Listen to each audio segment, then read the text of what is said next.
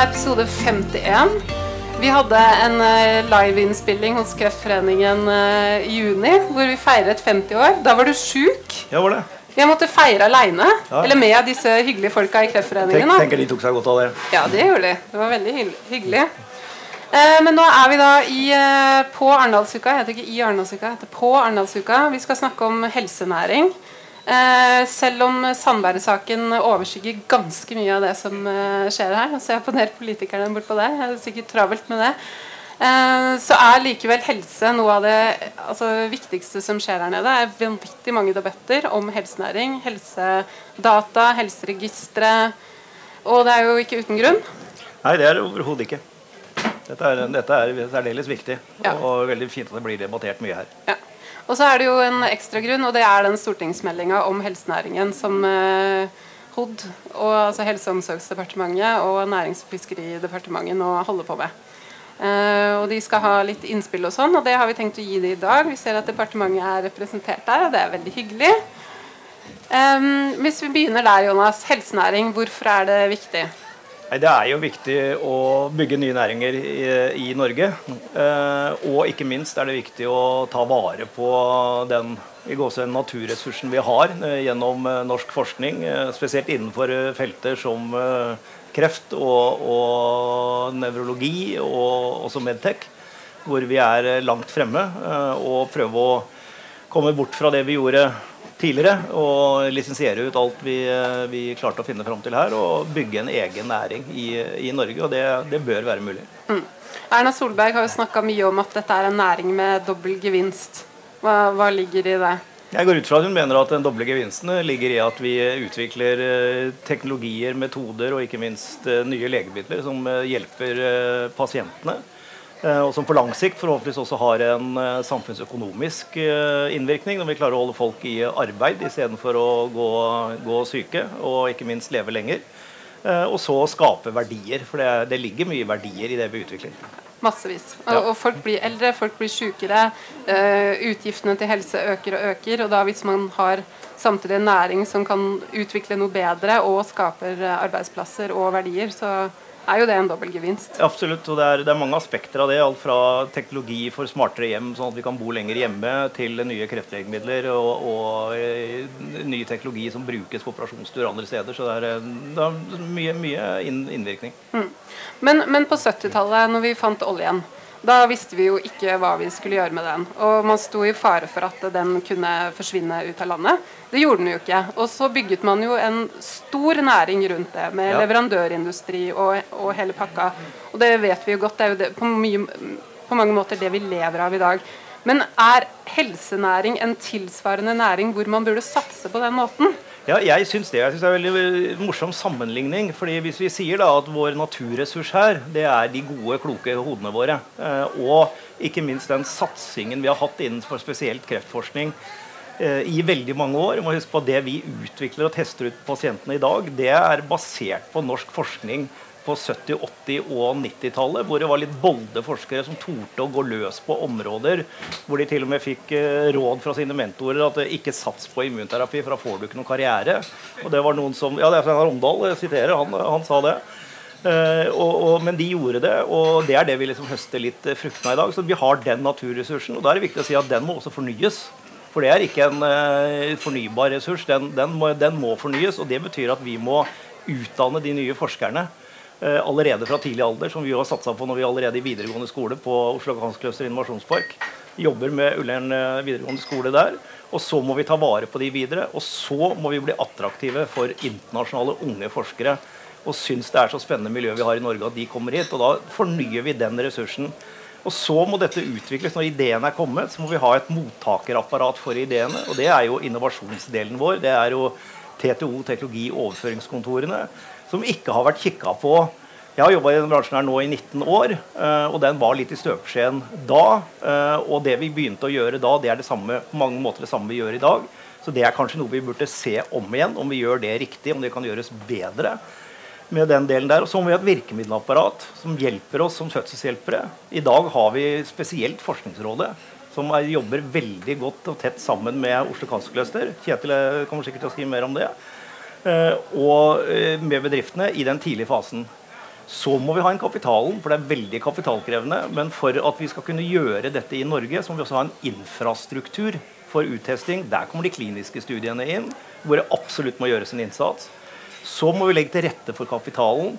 Jeg er ikke så opptatt av at staten nødvendigvis skal skyte inn så veldig mye penger i den fasen. Det er veldig fint at vi har såkornfond og at vi har noe på venstresiden. Men det viktigste er å legge rammebetingelsene til rette for de som skal ta stor risiko og gå inn med kapital. Da kommer formuesskatt, opsjonsbeskatning, ta vare på gründerne, alle disse tingene inn.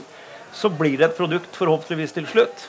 Og da må vi ha et system som fungerer, og ikke ha den hanekampen vi har i dag mellom eh, myndighetene og industrien. Dette jeg, vet jeg brenner litt for. Opp av skyttergravene og snakke sammen. Det er helt nye typer legemidler, spesielt innenfor kreft, som jeg jobber innenfor.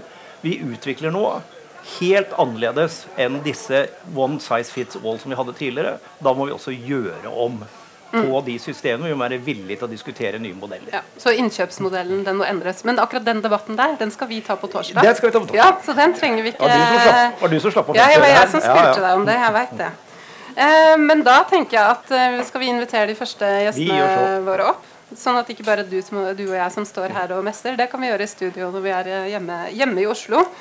Eh, vi skal ha tre panel med debattanter, og Det er veldig hyggelig å hilse velkommen første panelet. Kjetil Widberg, daglig leder i Oslo Kanskløster. Gi han en applaus, folkens! Anne Lise Ryel, generalsekretær i Kreftforeningen. Og ikke minst Ole Erik eh, Almelid, som er fungerende administrerende direktør i NHO, mens Kristin Skogen Lund er på Forsvarets høgskole, skjønner jeg? Ja. Da, flott.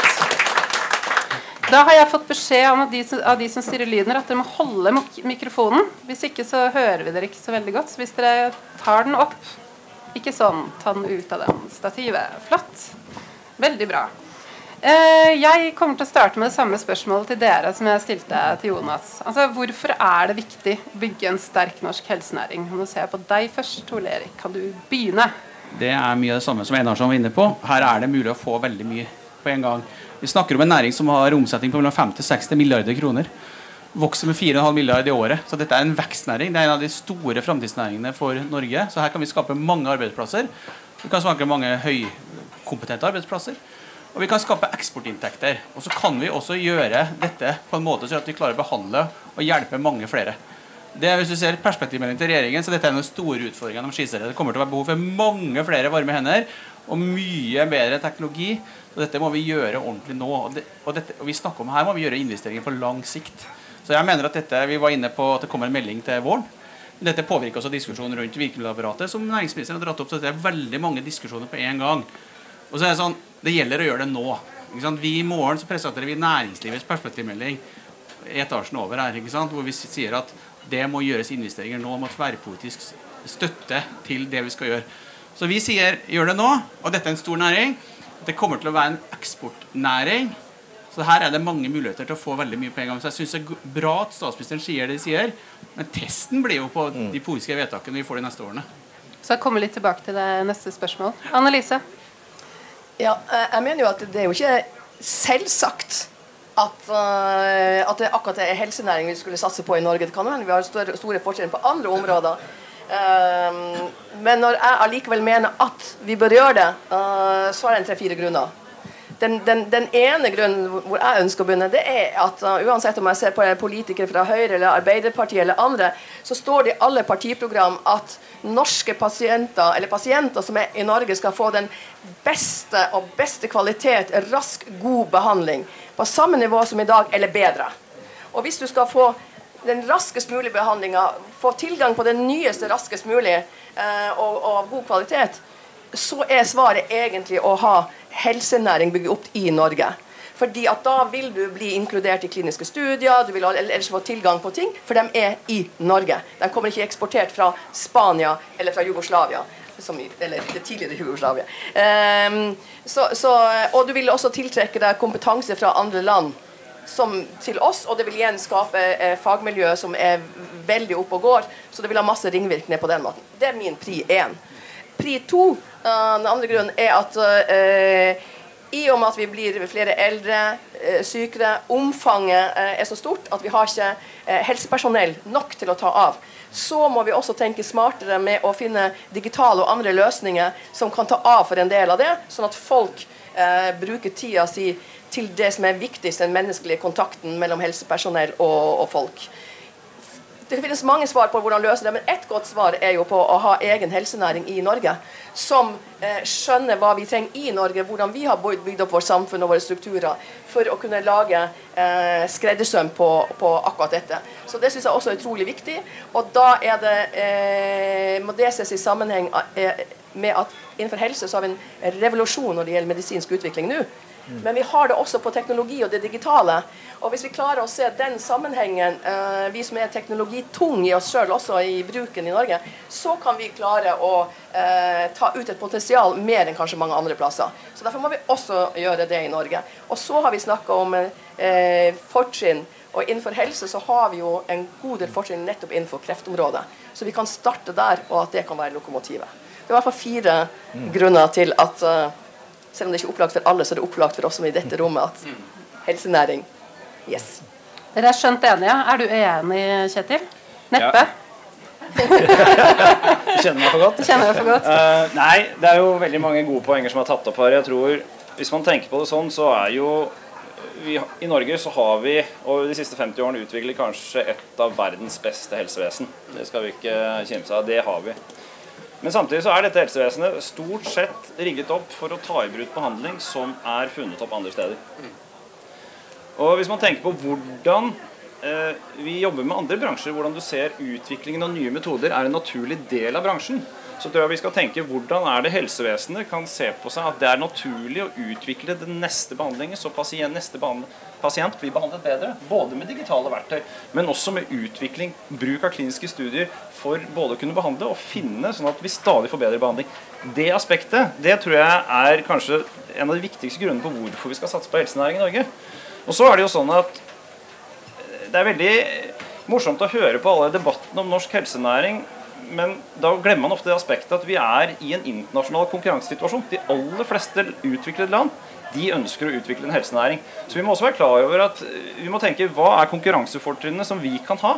Og om vi ikke trykker på de, så kan vi også få situasjonen at kliniske studier forsvinner fra Norge, at næringen ikke kommer hit. Så, så begge de aspektene bør tas med. Mm. Har du en kommentar?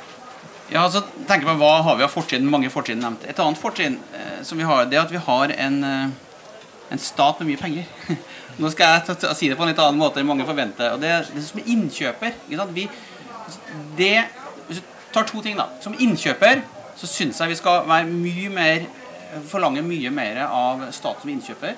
Man slipper til private aktører. Både fordi at det utvikler næring, som vi snakker om her, men fordi også det gjør, tror jeg, da, eh, bedre og mer effektive tilbud der man er.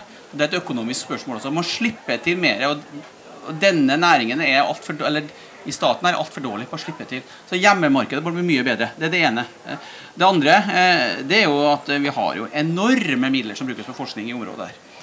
Og så ser jeg I mange andre bransjer så er det helt naturlig at den forskningen som skjer innenfor da, offentlig, eh, offentlig sektor, eh, deles, eh, deles, Den brukes til å kommersialiseres, men her har vi altså nesten 10 milliarder kroner som er den største forskningspotten. Det er den mest lukkede forskningspotten. Så det bør være mye større ønske da, også fra politiske myndigheter at dette brukes til å kommersialiseres. Også fordi jeg tror det skaper mye mer for pengene hos staten. Skapes mer behandling, og det skaper næring. Og Dit må vi komme. Så jeg håper jo at, håper jo at helsemeldingen svarer opp det. Men dette kan det gjøres noe med allerede nå. Dette er ikke noe som man trenger å vente på. Trenger ikke sitte og vente på det. Nei, for ja. det at man kan stille større krav, at det skal deles kompetanse, data, det tror jeg infrastruktur legger til rette for. Det, det tror jeg faktisk er et politisk mål som det er helt mulig å, å si noe om i dag. Mm.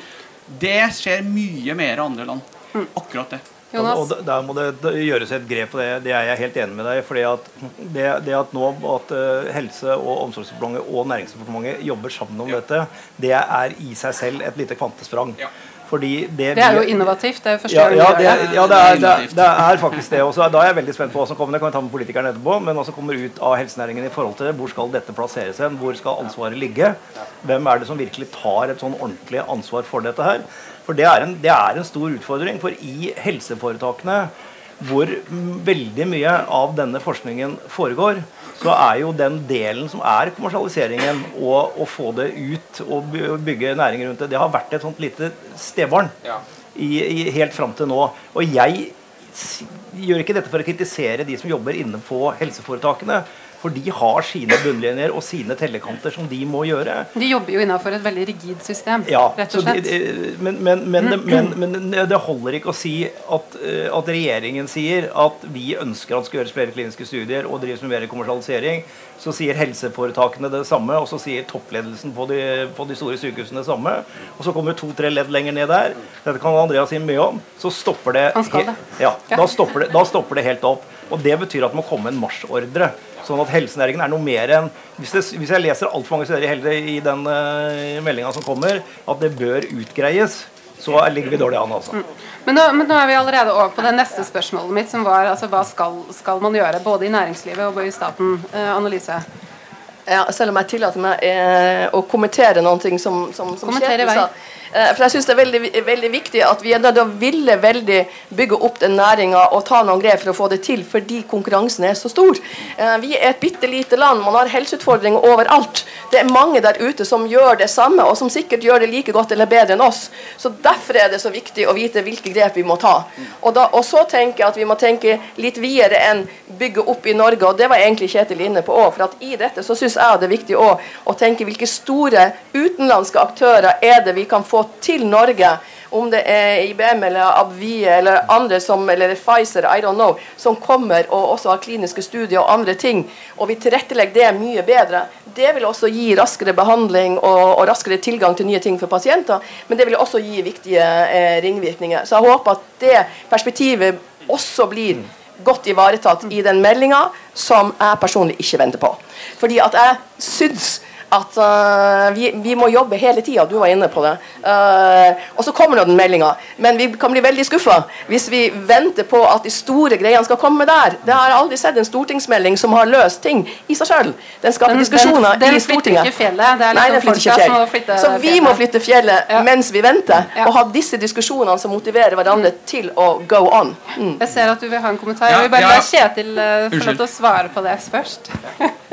Nei, altså det er jo helt enig. Altså, noe av det vi eh, bruker mye tid på i Oslo Cancer Cluster, er jo nettopp koblingen internasjonalt, nasjonalt. Altså Hvordan er det vi kan gjøre det attraktivt for eh, en bransje som i hovedsakelig ikke fins i Norge, til å investere i Norge, til å, at norske firmaer får vist seg frem, får tiltrukket eh, sentre, forskning til Norge. Så det er, det er en viktig bit av det. Og jeg tror den, den tingen som kanskje det er litt den at ikke Det å ta en avgjørelse på hva er det vi fokuserer på. Eh, hvilke områder er det vi er sterke, som, som Jonas sier. Det er klart, jeg blir veldig eh, fokusert på kreft. Det er det jeg jobber med. Det er et område vi kan godt. Men det er klart det er andre områder også som, som, som, som Norge kan godt. Men så er det å se da istedenfor å La oss si det sånn på områder hvor vi da kanskje etter, etter ti år sier nå har vi vært så mye inne der, så nå må vi flytte fokus litt på et annet område. Så skulle man heller investere dobbelt så mye etter ti år for å, for å rett og slett virkelig satse på de sterke områdene. Og det tror jeg blir Og det gjør litt vondt for Norge. For vi, vi, Ja, men vi er ikke så gode på det der å Nei. prioritere og si at dette skal vi satse på, og så kjører vi der, liksom. Og så sorry med dere andre, men, men det, Så vi må bli litt tøffere der, da, eller? Ja, og jeg tror å skrive en sånn melding altså det, Nå har ikke jeg like lang erfaring med å lese noen meldinger som Annelise, men, men jeg har da sett noen hvor det egentlig bare blir en lang ønskeliste eh, uten å bli tatt noen prioriteringer. Og da, da har det jo ikke skjedd så mye i prosessen. Nei. Men da må vi passe på at ikke det skjer, da. Yep. I og med at departementet sitter her og skriver seg dette bak øret. Men du hadde en kommentar? Jeg, jeg tror at Det er den aktive tilnærmingen til det som vi snakker om. Vi skal skape næring og arbeidsplasser, som jeg tror er veldig viktig. Vi skal bygge teknologi. Mange, mange fortrinn som vi har, skal vi utnytte, utnytte det. det gjør, det, og det tror jeg mange kommer til å se. Jeg tror kommer til å se at det også avspeiler seg i meldingen. Men det som gjør at jeg har et ekstra stort håp for dette, det er at, at hvis jeg sitter i Finansdepartementet og så tenker jeg hvordan skal jeg få disse budsjettene til å gå sammen fram til 2050. For der ligger det motivasjon òg. For bare at hvis vi får effektivisert sektoren som vi kommer til å få til med dette, vi skal løse mange problemer med dette, så tror jeg det i seg sjøl er et argumentasjon. Vi har, vi har gjort målinger på at hvis du øker produktiviteten i behandlingsleddet med 10% så frigjør du 21 000 årsverk. ikke sant? Eller 15 milliarder kroner. Og med de store summene det er snakk om her, så kan vi faktisk løse det som, faktisk, som statsministeren snakker om på radioen i dag. Ikke sant? At Hvis ikke vi klarer verdiskapning godt nok, så må vi mye jobbe mer. Ikke sant? Så da må vi i hvert fall gå inn i det vi har av tjenester, og, og det vi gjør her, og gjør det mest mulig effektivt. Og der er helsenæringen svaret på det. For Vi kan utvikle teknologi, vi kan utvikle en behandlingsmetodikk, og vi kan få behandla mange. Så jeg tror at det Jeg er helt enig, det kan bli mange ord og sånn i helsemeldinger, men når jeg vet at Finansdepartementet leter etter muligheter til å finansiere alt annet, så er jeg veldig optimistisk. Mm. Men hva er det mest konkrete som bør være i den meldingen, eller oppfølgingen til den meldingen? Annelise, kan begynne med deg. Uh, det er mange ting. Uh, jeg syns generelt så, så, Hvis du så, må velge. Hvis jeg må velge. Og at du nå må ja, velge. Ja. Vi må bli flinkere å se, se sammenhengen med hvor pengene går. Uh, altså Ofte så er kostnadssida og gevinstsida har ikke samme eier. Altså Det er ikke motiverende å ta noen kostnader hvis ikke du får gevinstene samtidig, men det skjer en annen plass. Fastlegen, altså Du som person må dra til fastlegen og se han face to face da blir det betalt for det. Hvis konsentrasjonen er at jeg sitter hjemme i sofaen og digitalt har uh, den kontakten, så blir det ikke utbetalt penger. Det ville være mye bedre for meg å slippe å reise inn hvis jeg kan gjøre det hjemmefra. Uh, og, og, det er masse gevinster i det. Men, men, men, systemene hindrer en utvikling. Og jeg er på at vi kan godt ha de store tankene og visjonene, men vi må ned på operativt, konkret. Hva er det som, som stopper oss? Og da er finansieringssystemene Og de følger ikke så godt den digitale utviklinga. Så det er på en måte min ene veldig store. Den andre er at jeg tror det er også en kulturendring til. Altså man vil, vil, vil vi i Norge tenke kommers nok? Eh, Abelia hadde nettopp en undersøkelse som eh, kom ut i dag, som viste at vi har mest lyst til å være arbeidstakere. Og ikke eh, arbeidsgivere eller gründere eller andre å sette i gang. Eh, og den kulturen eh, må det også gjøres noe med for at det i realiteten de tankene vi har, skal bli noe av. Og da må vi også utdanne annerledes. Jeg sier at vi må utdanne sykepleiere, ingeniører og ingeniørdoktorer. Ja. Altså, du må tenke på tvers av ja, siloer og tvers av fag. i utdanninga, sånn at det blir en opplagt måte å tenke på hvordan du utøver yrket ditt, og hva du gjør. Uh, for ellers så er det masse sånne menneskelige faktorer bøyger. Det er vanskelig, det er annerledes. Jeg skjønte det ikke. Jeg vil det ikke. Mm. Så jeg savner den tredje aktøren, selv om det er milepæl at to ministre prater sammen, så skulle det ha vært en utdanningsminister inni dette også, for at vi virkelig skal få det til. Mm. Det er et uh, veldig godt poeng, Annelise, det, det med, med, utdanning og kunnskap. At det mangler i dette. For det, vi snakker om helsesiden av det, og det er selvfølgelig sykehusene og Instituttet for kreftforskning og det som ligger inn under helseforetakene. Men veldig mye av det vi jobber med, kommer fra universitetene også. Og der er det faktisk en stor vilje og evne til kommersialisering og innovasjon. For det er på mange måter en del av deres samfunnsoppdrag, slik de har fått og slik de ser det selv. Men denne kulturendringen må vi ta med inn, og, det, og inn i helsesystemet. Og hvis denne kulturen også hadde vært ved at de hadde vært representert i dette arbeidet, så ville det kunne hjulpet oss med å få en egen kultur for at vi skal ønske å kommersialisere forskningsresultatene også innen medisin. Mm, men da må det vel finnes insentiver? Ja, det må finnes insentiver. De skal ikke gjøre det etter klokka fem? Nei, det må, de må absolutt gjort, uh... finnes insentiver, og i dag så, mm. så, så mangler det i, i stor grad. Mm. Så Det er den ene delen. Den andre er at du blir heia på hvis du er med og kommersialiserer noe som er et resultat av forskning. Og, og den, de, disse gamle diskusjonen med at ja, skal du nå styre basalforskningen og det, den frie forskningen, altså det, det er i, i mine øyne bare tull. For det har ingenting med det å gjøre. Det er resultatene fra den frie forskningen vi skal kommersialisere videre. Det er ikke mer enn sju-åtte år siden jeg fikk et spørsmål med en stor overskrift i en avis av det. Er det etisk å kommersialisere fri forskning? Da, og da svarte du? Det er uetisk å ikke gjøre det. Ja. Ja. ja, Det tror jeg vi kan være ganske enige om. Eh, jeg har tre sånne kjappe spørsmål om stortingsmeldinga, for vi må ikke helt uh, slippe den. Hovedforventninger dere har til denne. Kjetil, begynner med deg. Jeg, altså Forventningene er høye.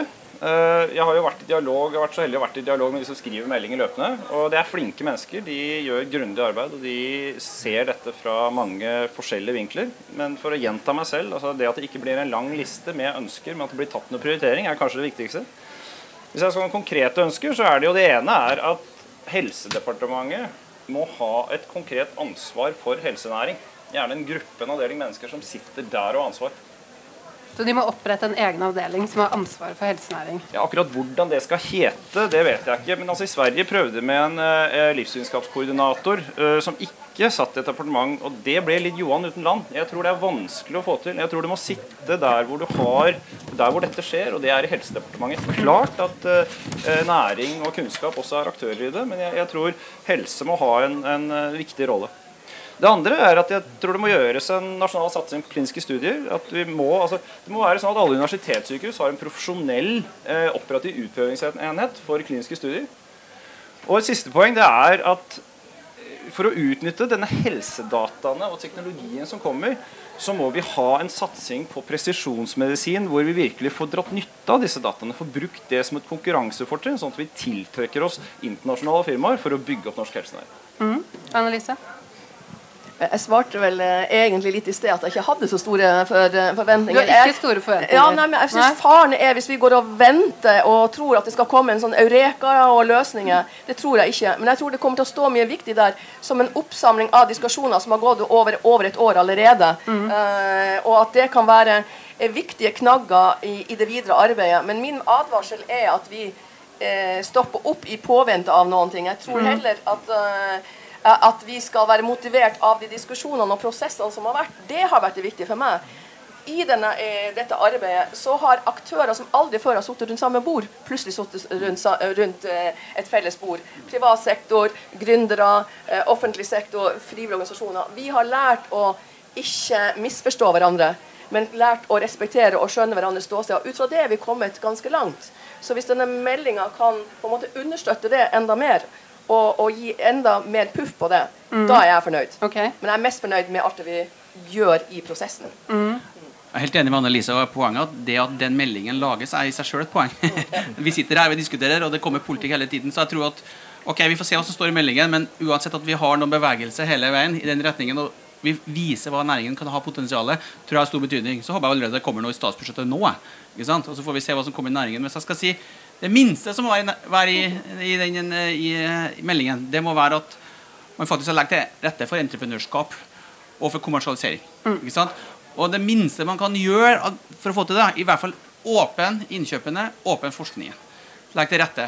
Og legg til rette for at du matcher målsetningene som du har, og forskningen med muligheten til å kunne drive business på det, for å si det enkelt. Sant? For dette er, det det er høy risiko, og det er langsiktig. Så legg til rette for det. Hvis du får til det, så kommer vi langt. Men det trenger ikke å følge mye penger med, vet du. Her er det bare å åpne opp. Del. Så, så virkemidlene i form av penger, det er ikke det viktigste her. Nei, men her er vi det tar liksom gjerne litt andre penger òg. Du tar gjerne litt penger Men jeg tror, også. ikke Ja. nøkkelen, jeg tror ikke nøkkelen er flere penger. Nei. Første gang her tror jeg nøkkelen er å åpne opp og tenke kommersialisering og åpne opp og dele forskning, dele markeder. Da tror jeg vi kommer veldig langt. Og så tror jeg gjennomgangen av virkemiddelapparatet, som Torbjørn Røe Isaksen skal gjøre nå, der tror jeg også vi skal på vakt og så si hva er det i de nasjonale konkurransearenaene hvor de putter virkemidler inn, som kan brukes. For eksempel, jeg tror ikke det er lurt å dele opp Forskningsrådet og spre det ut på, på alle regionene. Det, har de, det, det var jo sånn de starta. Vi, Ja. vi hadde jo fem forskningsråd, og så ble det ett. Jeg tror det har vært en veldig fin retning. La oss fortsette det. Ja. Forskningsrådet er en god partner, sånn som de er i dag. Mm, Og det vet jeg at mange av bedriftene er veldig Ja, enig i. Spesielt eh, de vi- du vi har i porteføljen. Ja, vi har jo mange småbedrifter, og det, det er der hvor penger virkelig bidrar, og målrettede penger, det er på en måte som fødselshjelper i den fasen hvor vi løfter dette ut for første gang. Eh, og det er ikke så lenge siden Annelise, vi hadde alle diskusjonene bl.a. med Forskningsrådet, som overhodet ikke var interessert i å støtte noe som hadde med klinisk kommersiell utvikling å gjøre. Og der har Forskningsrådet virkelig snudd seg rundt og sett ja, men det er jo der vi kan make a difference. Og de pengene er utrolig viktige, og de er målrettede og, og styres på riktig måte. Og jeg, bare, jeg er helt enig med deg. Det å splitte opp noe som nå faktisk fungerer, det syns jeg ville vært helt feil måte å angripe det på. Lite poeng til som vi ikke har vært innom her, som jeg glemte i den verdikjeden eh, i stad, det er produksjon. Det går an også å bygge produksjonsbedrifter i Norge. Det har vi jo. Thomas Ramdal sitter her i dag som et strålende eksempel på hva Algeta gjorde. De sørget for å forankre også produksjonen og kompetansen rundt produksjonen så tidlig at når Bayer kom inn og kjøpte Algeta, hvilket var kjempefint at de gjorde, så har de satsa i Norge. Nå har de x antall arbeidsplasser. Er det 120 Thomas, ute på Kjeller? Og dere er omtrent dobla Bayer Norge siden eh, det oppkjøpet skjedde. Så her snakker vi hundrevis av arbeidsplasser bare på det ene caset. Og det selskapet ble besolgt for 2,8 milliarder dollar. Bygd på én idé fra norske forskere ved universitetet og Radiumhospitalet. Skapte denne verdien. Og over 30% av de pengene gikk tilbake til norske investorer, som vi virkelig har sett er villige til å satse om igjen sammen med oss senere. Da får vi et økosystem som funker. Og det, er jo, og det er jo det vi trenger mer av, ikke Ja. sant? For det Ja, Kjetil? Jeg, altså, det er et veldig godt eksempel. Jeg ville trekke frem et annet eksempel på dette med altså, samarbeid og økosystemer. fordi det lanseres nå en lovende kreftbehandling, eh, såkalt CAR-T, eh, i hele verden eh, i disse dager. Og den lanseringen hadde ikke vært mulig uten samarbeidet eh, i hele verdikjeden som har skjedd i Norge. Det er Novartis som har gjort de kliniske studiene. Det er Radiumhospitalet, Cellelaben, Utprøvingsenheten, akademi og klinikk som har behandlet pasientene. Det er Thermo Fischer og teknologien bak Ugelstadkulene som gjør det helt tatt mulig å produsere denne medisinen. Og Legemiddelverket er de som er hovedrapporter rundt i europeiske myndigheter. Her arbeider hele verdikjeden for å få frem ny behandling som hjelper pasienter. Og Skal vi klare å få flere sånne historier som gjør at uh, dette skjer, så må vi uh, se på hvordan vi kan jobbe med å gjøre det enkelt å gjennomføre kliniske studier. Jobbe med hvordan vi kan få opprettet utprøvingsenheter og gjort sånn at data blir tilgjengelig. Du, Annelise var først. Dere var nesten litt som denne damene først. Ja, nei, jeg bare skulle si i, i dette, det er gode eksempel. Vi må bare også huske på å bredde blikket på, på at eh, eh, næring er innenfor legemiddel og det kliniske studier, men det er også teknologi, digitale løsninger, det er ting vi henter fra oljeindustrien, andre ting, og det er tjenesteutvikling. Sånn at når vi snakker om det, at vi har hele den bredden, for det er veldig lett å trekke frem de eksempler som går på utvikling av legemidler, men det er bare en liten bit av det som kan bli veldig viktig helsenæring. Ja, det er samme poenget egentlig. Og det, det at vi kan ha større kontroll over hele verdikjeden, det er veldig viktig for verdiskapningen. Det kommer til å være i mange næringer, det kommer til å være spesielt i denne næringen. At vi kan også gå inn i verdikjeder i andre næringer. og Crossover-kompetansen. altså Det er en god vind som blåser over Norge om dagen. Og det at man forstår at man kan lære av hverandres næringer. Og Dette er et veldig godt eksempel på det. Og, at, eh, og Da må vi i hvert fall ikke ende opp med at de kliniske studiene går ut av landet, men heller inn. Altså, Vi kommer til å få eksempel fra Arnesen om det etterpå. Vi, det må jo, vi må ha, legge til rette for at vi har det her, og så må vi bygge næring på det. Så dette er bra, det er viktig for oss. Når vi står her i Arendalsuka 2035 og konkluderer, så er det veldig altså det, det er det som gjøres Altså, Den næringen her er så utålmodig, så hvis du sier Nei, nei, men det- 2035, det var- det var- det så tenker du bare nei, nei. Skulle si. Neste år, neste nei, nei, men det er de neste to-tre årene som avgjør hvordan dette går. Ja. For nå går toget fra oss, og det er andre Det er ikke bare vi som sitter og diskuterer dette. Mm. Det er mange som har fortrinn som vi er nødt til å jobbe med det nå. Mm. Så la oss se allerede resultatet i statsbudsjettet om halvannen måned. Da ble det siste ord til deg i det panelet her. Tusen, tusen takk for at dere kom. Stor applaus, folkens.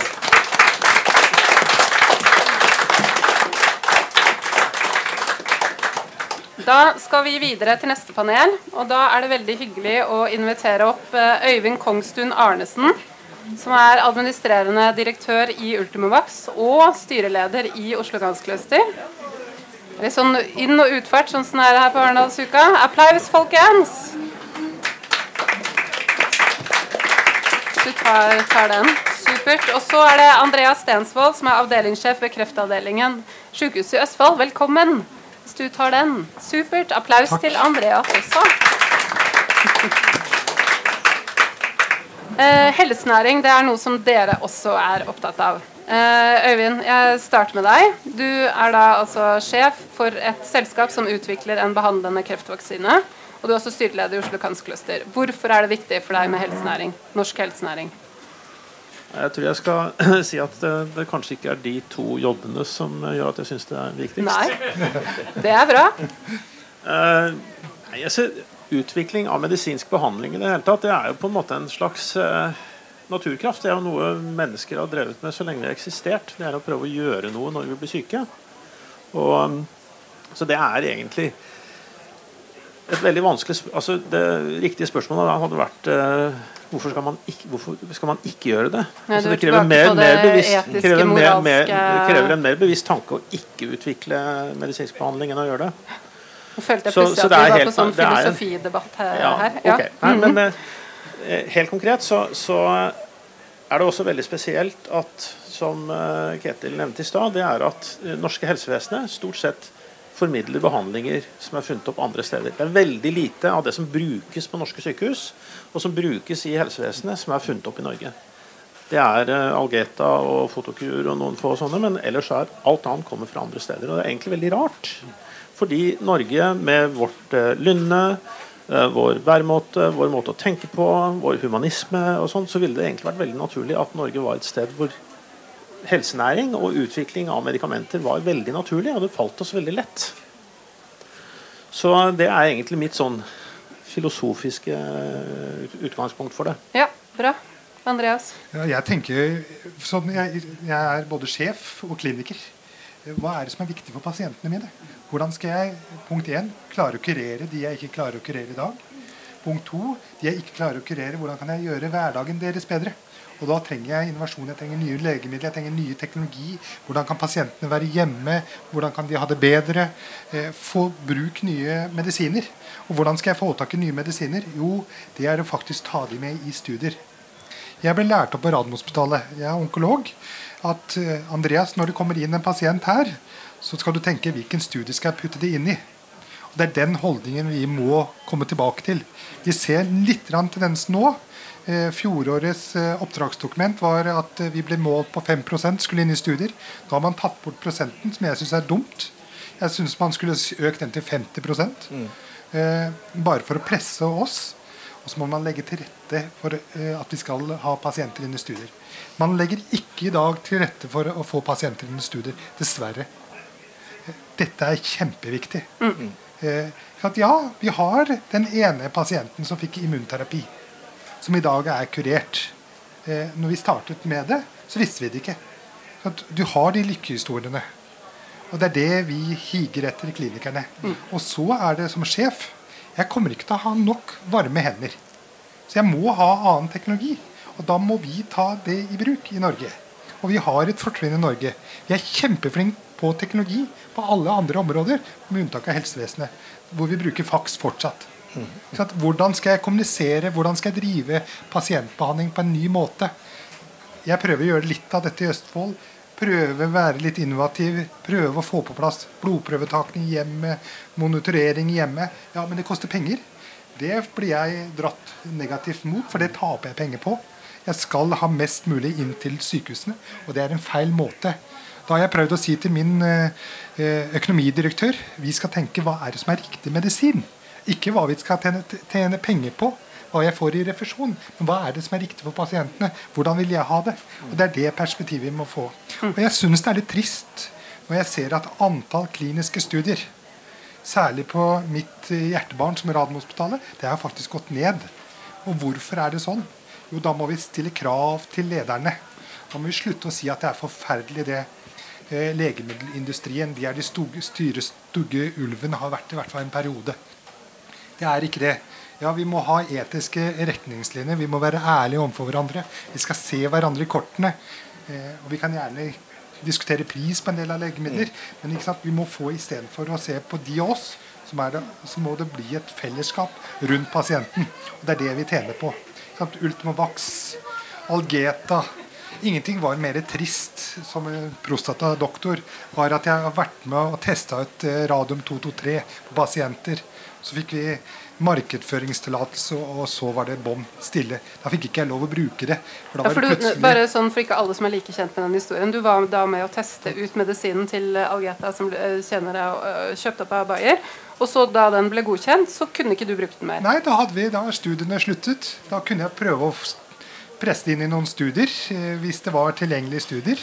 Men eh, markedsføringstillatelsen og til jeg fikk lov å bruke den, gikk det nesten tre år. Og ingenting var mer frustrerende i forhold til det. Her har vi utviklet en fantastisk medisin. Vi har næringsministeren som står og eh, forteller på Kjeller fantastisk bra med norske arbeidsplasser. Så har du helseministeren som sier nei, dette skal vi ikke bruke fordi det er for dyrt. Vi må presse prisen. Så da, Det er det paradokset vi lever med. Da er pasientene som har lest i Dagens Næringsliv vi er med å utvikle medisiner, og så får vi ikke lov å ta det i bruk. Så vi må få andre mekanismer for å få dette på plass. Det er jo det, eh, Andreas, Vi må komme inn, inn og se på modellen. Ja. Og, og sett fra begge sider. Det er liksom litt min kjepphest både fra myndighetssiden og fra industriens side.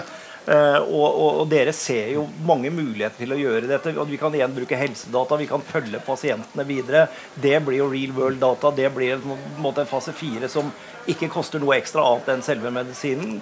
Og så er det denne innstillingen som du er inne på. Jeg har lyst til å komme tilbake til det som du sier med kliniske studier. Uh, og den holdningen man hadde på Ramsdal tidligere, som jeg vet du har tatt med deg til, eh, til Østfold nå. Eh, at det er en del av behandlingen av pasienter. Altså Gordon Mills fra, fra Stanford han, han, han, sier jo På Stanford så er kliniske studier standard of care. Mm. Altså de, Legene har ikke lov til å ikke undersøke hvilke kliniske studier som er mulige for denne, denne pasienten. Og de får klapp på skuldra hvis de finner den kliniske studien til pasienten. Og, og der, der, må det tydelig styringssignal til, som du sier. Men da må vi fortsette med deg, Øyvind, med dette med kliniske studier. For du ble jo intervjuet i DN i mai i år. Eh, hvor du da sier at eh, nå har vi kjørt fase 1-studiene, altså kliniske studier kjøres i fase 1, 2, 3. Eh, og nå må vi flytte de til eh, USA. Sånn at det er ikke lenger tilgjengelig å være med i klinisk studie av den behandlende kreftvaksinen. Eh, fortell hvorfor dere gjorde dette.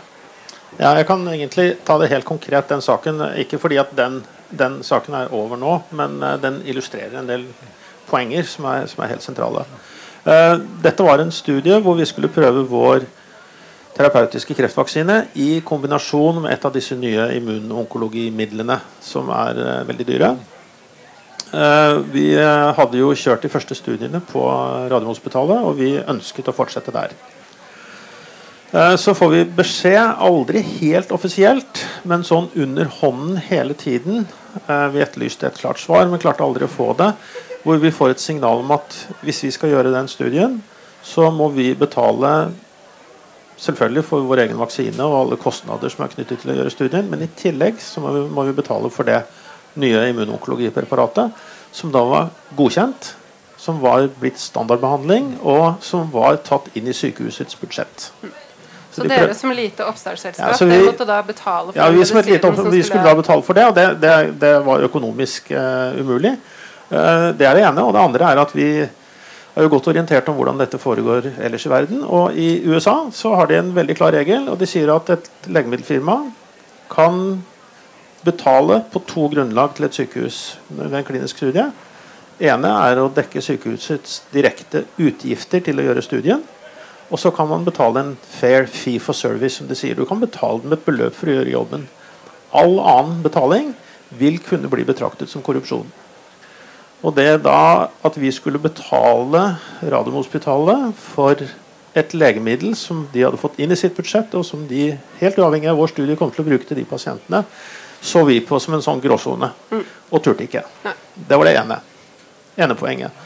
Det andre det er um, Vi sendte inn søknad om å gjøre studien til uh, Legemiddelverket. Uh, og vi fikk et svar som i og for seg Det var ikke noe sånn forferdelig galt, egentlig. Men det var en sånn holdning under i det svaret vi fikk, som gjorde at vi tenkte at dette blir en veldig veldig lang og tung diskusjon for å kunne gjøre denne studien i Norge. med masse begrensninger og sånn som Vi syns nok ikke det var veldig godt medisinsk begrunnet, men man kunne forstå begrunnelsen. Og når vi gikk til eh, FDA med akkurat den samme studien Som er de amerikanske, som er de amerikanske myndighetene som ja. godkjenner studier og legemidler i USA, som er kjent for å være nokså harde i klypa og sånn. Uh, der fikk vi en uh, hel gruppe med veldig kompetente folk som så på vår studie, og som i prinsippet så studien og så de medisinske problemstillingene omtrent akkurat sånn som vi så det sjøl. Så mitt ønske, konkrete ting i dette, det er Styrk Legemiddelverket i Norge. Ja, Petter, du står der. ja, Virkelig, altså. Men det er, igjen, jeg vil ikke, det er ikke noe sånn knallhard uh, kritikk av Legemiddelverket jeg kommer med nå. Men det er det at vi, vi men, følte men at de kunne det ikke godt nok. Og kunnskap. For Hvis ikke dere hadde sjekket dette her, så kunne dere jo risikert å kjørt alt i Norge, og så kanskje når dere skulle få, søke om godkjenning, så kunne det komme opp korrupsjon? Ja, det, det er jo det. Altså, Ja, amerikanske det myndigheter, den når vi skal søke legemidler godkjent i USA Hvis de lukter korrupsjon, om den har skjedd i USA eller i Norge, spiller ingen rolle. Da får du ikke godkjent legemiddelet. Mm. Det sier de dette er tvilsomt. Så det hadde vært en høyrisikosport å starte den studien med, med, med tunga ut av munnen på Radiumhospitalet. Men, men Andreas, bare fortsette med, med kliniske studier. Eh, hvordan skal man få, få flere kliniske studier, og, sånn at kliniske studier kan bli en, altså, en, et behandlingsalternativ i, i Norge? Altså, for Det handler jo da om å få den globale farmasøytiske industrien til å komme og legge det her og synes at det er fint å kjøre studier i, i Norge. Ja, Det viktigste er god infrastruktur på avdelingene. Og faktisk også at avdelingssjefene eller eh, sikt 2, 3, 4 lenger ned i kjeden blir faktisk målt på det. Dette er faktisk kjempeviktig. Ved å høre her at ja, du prøver å få ut mer penger. Da vil vi heller si at ja, vi skal være så sannferdige, og vi skal betale for det det koster. Eh, og så skal vi tenke er det riktig at jeg skal få sponset medisin. Jeg får en fantastisk ny utprøvende behandling, men jeg må betale annet. Så vi må jo spille korta våre riktig. Så nå har vi, vi, er, vi er på en måte, som vi sa i Lier, vi har drevet på draget. Eh, for det er det det dreier seg om. Å ikke spille kortet riktig. Og så kan man jo innse at vi er 5,5 million i forhold til Legemiddelverket. Og det er derfor jeg har sagt i ti år hvorfor ikke slå Skandinavia sammen som én helseregion, særlig når det gjelder studier og, og medisin. Eh, for jeg tror faktisk ikke vi kan være, bli gode nok på 5,5 million. Vi har et fortrinn i Skandinavia, og det er personnumrene våre. Vi kan følge hverandre til vogge til grav. Og Det er det vi må bruke i, forhold til studiene våre. Vi kan så mye. Vi kan følge pasienter som de ikke kan i andre land, fordi vi har personnummeret. Og Det må vi bruke for alt hva det er verdt. Og det er arvesølvet vårt. Det er gullet vårt. Det er det jeg skal leve av når jeg blir pensjonist. er jo fordi eh, vi kan gjøre dette på en enkel måte. Hvis du sier at i min avdeling eh, får jeg pris som man driver med DRG og trikser i dag, ja, du får en ekstra pott ved å si at du ved å inkludere i studier, Gjør det helt sannferdig og ryddig og ordentlig, så får du en ekstra pott. Som ikke er bare litt, men betydelig. Så jeg plutselig kan eh, For dette er jo litt monopolpenger. Vi har i, I helsevesenet så har vi fått en pott, og så skal vi prøve å fordele den. Så driver vi og trikser mellom hverandre. Og det kan man løse med letthet. Og så må vi ha enklere systemer. Jeg bruker ekstremt lang tid når jeg skal ha, er med i kliniske studier og få godkjent på sykehusnivå, på, i de regionale helseforetakene. Jeg skal gjerne være min egen sekretær. Og dette dreper klinikerne. Så det enkle systemet får på plass hjelpepleiere, sykepleiere som er studiesykepleiere eller hjelpepersonell rundt dette, som gjør dette mye bedre enn meg. For Det stiller jo betydelige krav hvis vi skal være med i Ultima Vax-studien, at dette må gjøres helt korrekt. Og doktorer er ikke så flinke på den logistikkdelen. Det vil vi bare innse. Jeg er kjempeflink til å behandle pasienten, men logistikk kan ikke doktorer. Det må vi få andre personer Det, til. det er jo begrensa hvor mye man skal kunne, tenker jeg da. Og Så det det handler er jo om den bruke 9-4-jobben den. Ikke sant? som mange doktorer nå ønsker. Ja. Når jeg startet på Radiumhospitalet, så var det veldig få overleger som gikk hjem før klokka seks. Når jeg sluttet på Radiumhospitalet, så var de fleste ute av huset før halv fem. Mm. Det handler jo om litt eh, at det ikke var så interessant lenger å ut, jobbe utover kvelden. Men at samfunnet også krever at doktoren er hjemme Mm. for å hente barna sine i barnehagen og alt dette. Så vi må ha litt bedre strukturer. Mm. Så kan man like det eller ikke, men sånn er verden blitt. Og det må vi bare innse. Jeg tror, jeg tror det er en fin verden hvis doktorer ja, også kan det. ha en familie og har det fint. eh, Og det er derfor jeg er i pappapermisjon nå og Ja, kan være med i? Arendalsuka. Ja. sier jeg. Ikke minst. Det er veldig hyggelig. Øyvind, du hadde en kommentar. Ja, eh, eh, de store sykehusene som virkelig driver mye kliniske studier, de har snudd relasjonen mellom pasient og studie på hodet. I Norge så er det nå sånn at eh, de som da kjører en studie på et sykehus, altså en utprøvingsenhet, eller noe sånt, de leter rundt eh, der hvor det er mest naturlig at disse pasientene kommer i kontakt med sykehuset første gang. De er på poliklinikker og sånn, hvor de liksom legger rundt antennen og sier si fra til oss hvis en sånn pasient kommer. Det er, det er den måten som brukes nå. Eller noen lokalsykehus man gjør det. Uh, MD Anderson i USA, der har de følgende det er at Når en pasient kommer inn på sykehuset, så er en av de første tingene de spør om, Det har et eget system for det. Det er hvilken studie kan denne pasienten gå inn i. Så det er snudd helt opp ned. Så det er ikke lenger det er ikke, studien, det er ikke studien inn, som skal lete etter pasienten, det er pasienten som skal lete etter en studie. Eller personell som skal lete etter en studie for pasienten. Det, er- det, er, det er ett poeng. Um, et annet poeng det er det som du var inne på, dette med en sånn nordisk organisasjon. og Da kan jeg gå tilbake til den jobben jeg hadde før jeg var i Ultimovax. For da var jeg klinisk forskningssjef for tyske legemiddelfirmaet Børinger Ingelheim og hadde ansvaret for hele Norden. Vi gjorde akkurat det. Vi organiserte oss nordisk. Og da fløt pasientene sømløst mellom det var norske pasienter som gikk til oppfølging i studier i Stockholm og Helsinki, og vi fikk det der. Og det gjorde jo at du må huske at det er en faktor i dette som, eh, som eh, ikke blir snakket så mye om, men som er veldig viktig. Og det er spørsmålet hva er det som får et stort legemiddelfirma til å legge en studie til det landet og ikke til det landet? Da må du skjønne hvordan de tenker på de kontorene på disse eh, firmaene når de fordeler studier.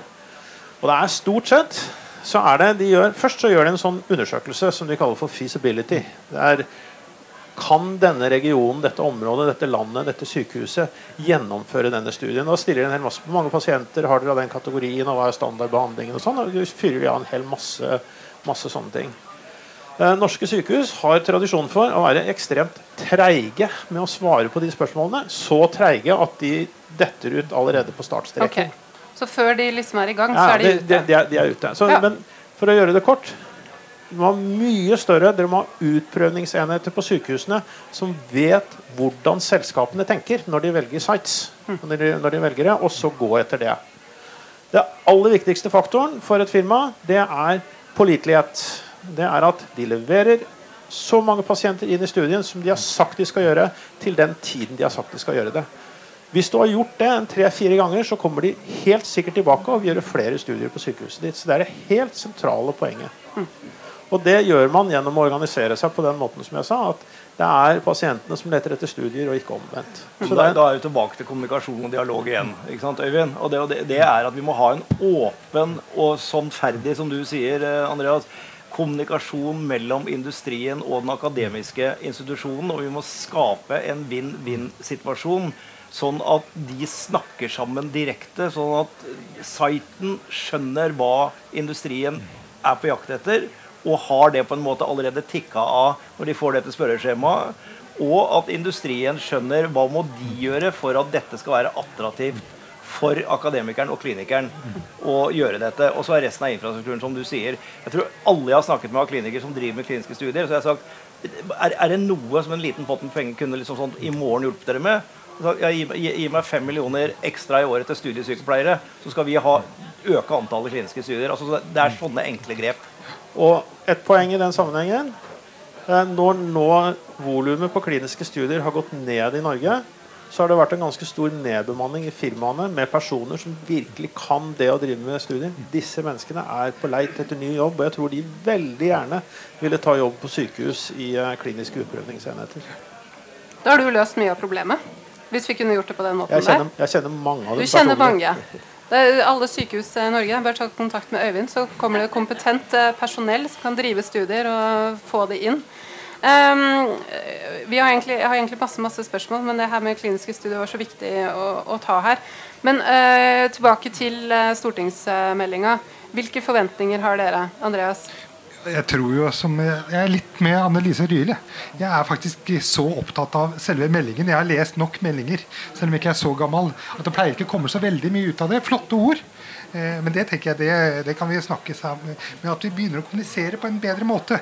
Hvordan, hvordan kan jeg legge til rette hvordan kan du legge til rette slik at våre pasienter i Norge får den beste behandlingen? Eh, eh, og, og på samtidig klare å spare penger, vi kan bruke pengene våre på en bedre og fornuft, mer fornuftig måte. Det er det jeg vil. Og så må mine barn og barnebarn ha en næring å leve av, og det er ikke olje. Der har vi det potensialet. Skandinavia har en unik mulighet. Og så skal vi ikke glemme at det er norske eller, og svenske og danske pasienter. De ønsker å være med i studiet. Det er veldig sjelden når du spør dem, at det er pasienter som sier nei. De sier stort sett ja, men vi spør dem altfor sjelden. Øyvind? Ja, min forventning til den meldingen det er altså, det, det, Da du begynte seansen her i dag, så kalte du det for en debatt. Og så har jeg ennå ikke hørt noen som har vært uenig i noe som helst. så, så, så, så, så Det er viktig å snakke mye om det vi alle er enige om. Nettopp. Og det er akkurat det jeg tror den meldingen kommer til å bli også. Det kommer til å bli en veldig sånn god oppsummering av det vi er ganske enige om. Det kan være noen nyanseforskjeller og kanskje noe om formuesskatt og sånn som man er uenig om. Men, men den forventningen jeg har, det er at for de politikerne som leser meldingen, så vil de få en økt bevissthet og mer kunnskap om hvor landet ligger. Det tror jeg er, eh, er det den meldingen kan føre til. Og så er da det neste håpet Det går da over på den praktiske siden. og, det er sånn, og jeg er sånn helt, helt konkret. Det er opprett profesjonelle kliniske utprøvningsenheter på alle universitetssykehusene.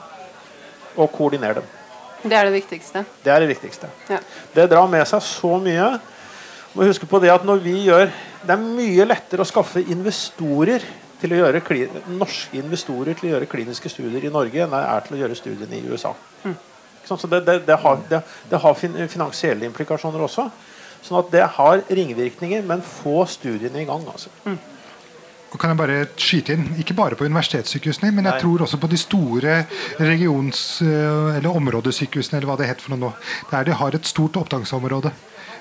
Helt enig. Ethvert sykehus som ønsker det. Ja, og det, det ser vi at, at, at vi har hatt flere fra Radiumhospitalet som har vært frustrert over hvordan det er blitt bygd ned og lagt hinder i veien for det, og har reist til andre steder, som til Drammen og som til Østfold, og hvor vi virkelig ser at der får de til store kliniske studier på egne initiativer og tar inn.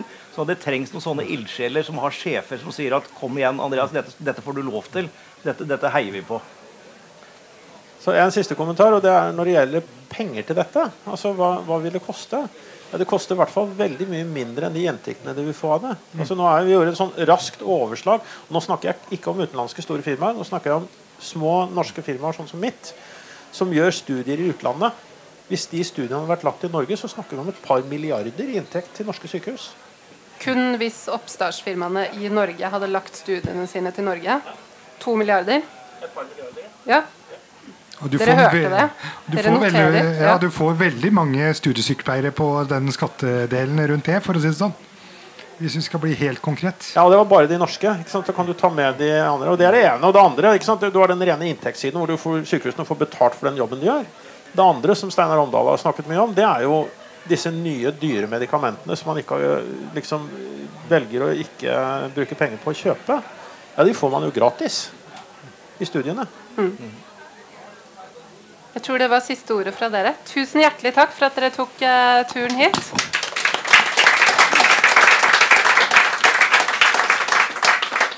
Da er det siste panel ut, og nå kommer politikerne. Det her har vi gleda oss til, og det er så hyggelig at dere sittet og hørt på alle som har prata her. Ruth Grung, velkommen opp. Arbeiderpartiet. Du har sittet i helsekomiteen, og så sitter du nå i næringskomiteen. Og så er det Toril Eidsheim. Velkommen opp. Men dere må jo klappe for disse her også. Og du sitter i helsekomiteen for Høyre. Og som jeg har skjønt det, så representerer dere begge Hordaland. Det er ikke tilfeldig, tror jeg. Det er veldig tilfeldig i dag, i hvert fall. Men det betyr at dere, dere kjenner hverandre godt, og dere har kanskje vært i noen eh, debatter opp gjennom eh, tida også. Ikke på dette temaet. Ikke på dette temaet. Ikke så veldig mange, faktisk. Nei. Eh, Vi har jobba med litt ulike tema. Jeg, I forrige periode så jobba jeg med transport og kommunikasjon. Og i denne perioden så jobber jeg med helse. Og Ruth har bytta komité. Ja. Men eh, bare hold eh, mikrofonen litt høyere. Eh, men jeg begynner med deg, Toril, i og med at du representerer Høyre. Og Høyre er en del av regjeringen, og de har tatt tak i den, denne stortingsmeldingen om helsenæringen. Nå hører du at noen her ikke har så store forventninger. Men kan ikke du si litt om hvorfor dere har, altså hvorfor har dere tatt tak i dette med denne stortingsmeldingen om helsenæring? Hvorfor syns dere det er viktig å gjøre noe her? Eh, litt av historien bak er jo faktisk arbeidet i komiteen i forrige periode. I næringskomiteen var det vel egentlig det begynte. Så det at jeg synes man skal ha litt kred for det. At når man jobber med industri, så valgte man faktisk å trekke ut en egen næring som er helsenæring. Og det, det, synes jeg er et godt utgangspunkt. Så er det nå regjeringen som har dette på sitt bord. Det er departementet som har det. Og eh, til de som sier at nei, det er ikke så nøye med disse meldingene, så, så tenker jeg faktisk litt på eh, det her blir litt sånn eh, tante Sofie. Kanskje, kanskje, man burde lese litt flere meldinger innimellom. Uh, for det at I forrige periode som sagt, så satt jeg i transport- og kommunikasjonskomiteen og jobba med digital agenda. Og Det som viser seg, det er at det er altfor få kommuner der ute i Norges land som har lest denne. Og Hvorfor lager vi meldinger? Hvorfor bruker vi mye ressurser på dette i departementet? For det er det. Det går store ressurser i departementet som går på å lage gode meldinger. Og så er vi avhengige av alle disse rundt, alle dere ulike aktører, at dere gir gode innspill for nettopp at denne meldingen skal bli en god melding. Og hva er det vi vil med en sånn melding? Jo, det er litt en statusrapport. Det er litt om utfordringer, og det er litt om muligheter. Og hvorfor har vi behov for det? Jo, spesielt når det er at vi skal begynne å jobbe inn forbi et nytt område. Helsenæring eksisterer. Det er klart opplagt viktig at vi beveger oss på frem mens dette pågår. Men helsenæring, definisjonen av helsenæring, den har vi ikke klart for oss alle sammen. Og disse ulike aktørene som skal jobbe med dette, de trenger den definisjonen for at vi har en felles grunnmur. Og så blir arbeidet enda mye lettere å jobbe raskt videre med. Det er mitt håp. Ja. Så bra. For det handler jo litt om det som Annelise sa, at det er den prosessen at man faktisk snakker sammen og så får en felles grunnlagsforståelse av hva dette her eh, er. Mm. Ruth, hvis Arbeiderpartiet hadde vært i regjering, hadde de tatt tak i en stortingsmelding om helsenæring? Altså Han ble jo bestilt fra Stortinget, da. Ja. Så det, det, var jo faktisk eh, Og i forrige periode så var det Arbeiderpartiet som tok initiativet sammen med Høyre for å sette på agenda i helsekomiteen. Eh, så det at eh, Og jeg har hørt det som er sagt, og det er jo Jeg skjønner hva som sies, men jeg har en forventning. For jeg, ser, jeg jobber jo med flere næringer og ansvar for havbruksnæringen. Men hver næring har sin egenart. Uh, og det å forstå næringen og forstå rolleforståelsen er utrolig viktig, sånn at vi innretter og er også ressurseffektive. En av de viktigste tingene som kom opp på eh, det seminaret vi hadde, det var dette helsedata er gullet vårt. Nå har det gått fire år. Det satt ned et ekspertutvalg som kom med en tilråding. For det er virkelig der hvor vi kan gjøre en forskjell i forhold til andre land. Så jeg, jeg har stilt spørsmål til Høie. Kanskje vi bare etablerer den, for det er jo helt opplagt at eh, det må være offentlig eid som både sikrer kvaliteten, sørger for distribusjon, eh, setter det sammen sånn at de kommuniserer med hverandre osv. Så, videre, så den der eh, mener jeg skal komme så fort som mulig. Mm. Men da er det viktig at man innretter sånn at man både dataene ikke, eh, Det er ikke sånn kjekt å ha. Du må være veldig bevisst på hvilken data som uh, man bør ha. Hva er de riktige dataene på de riktige tingene? Ja, uh, og så langt ned i forhold til brukervennlighet. Men de må være tilgjengelige både for myndighetsstyring på helse, prioritering, tilgjengelig for forskere, men også for næringsliv. Jeg er veldig opptatt av at uh, dette er liksom grunn... Altså, det er ingen land som har sånne helsedata over så lang tid, over så store befolkningsgrupper som det vi har. Og at den verdiskapende kapitaliseringen kommer også oss til gode. Og det å finne de modellene har jeg iallfall forventninger knyttet opp mot. Mm. Det er iallfall en av de tingene som jeg har forventninger kommer det, nå. Det forventer du. For her er det jo vanskelig regelverk, det er vanskelig lovverk, det er person... Ja, men altså i person... forrige periode så fikk vi på plass eh, lov rettighet, altså eh, lovbestemmelser unnskyld, knyttet opp mot personvern. Mm. Lovbestemmelser knyttet opp mot bruk. Eh, så det er egentlig veldig mye på systembiten at de kommuniserer sammen. Mm. Jeg bare vet fra forskere Når de søker om å få tilgang til ulike registre, så kan det ta fryktelig lang tid. Og dyrt. Og veldig dyrt. Og hvor mye penger vi bruker. Og, de, og dette sånn fellesskapet sine hva skal vi, akkurat ja, På veldig mange andre områder. Og gjøre de tilgjengelig så fort som mulig. Så det er iallfall ett av områdene. Kan jeg få si en ting til? Du kan kanskje få en kommentar først på dette med helsedata, Toril? Ja, jeg har bare lyst til å si at eh, Det arbeidet er jo heldigvis igangsatt. Altså Man er kommet ganske langt med dette. Og, eh, og det er som du sier, det er tverrpolitisk vilje for dette. Vi har et godt utgangspunkt. Og på noe som er så viktig som det, det helsenæring vil komme til å bli, så er tverrpolitisk enighet det er det aller mm. beste grunnlaget vi kan ha. Det skaper forutsigbarhet, som igjen vil, som det ble nevnt her, det vil bidra til investeringsevne. Det er ingen som investerer i noe som er uforutsigbart. Og Nå har jeg oppfølgingsspørsmål til det, men Ruth, du er først. Nei, for at, um, når jeg var i helsekomiteen, og det er det fortsatt, er det veldig mye debatter knyttet opp med hvorfor ikke få ta i bruk medisiner. Men akkurat disse helsedataene Og da er det Kjetil som har lært meg opp, da. Jeg, hvordan, altså, med presisjonsmedisin så har du mindre populasjon for å få dokumentasjon. Da blir jo akkurat disse dataene så viktig at du får dem i sanntid for å prøve ut.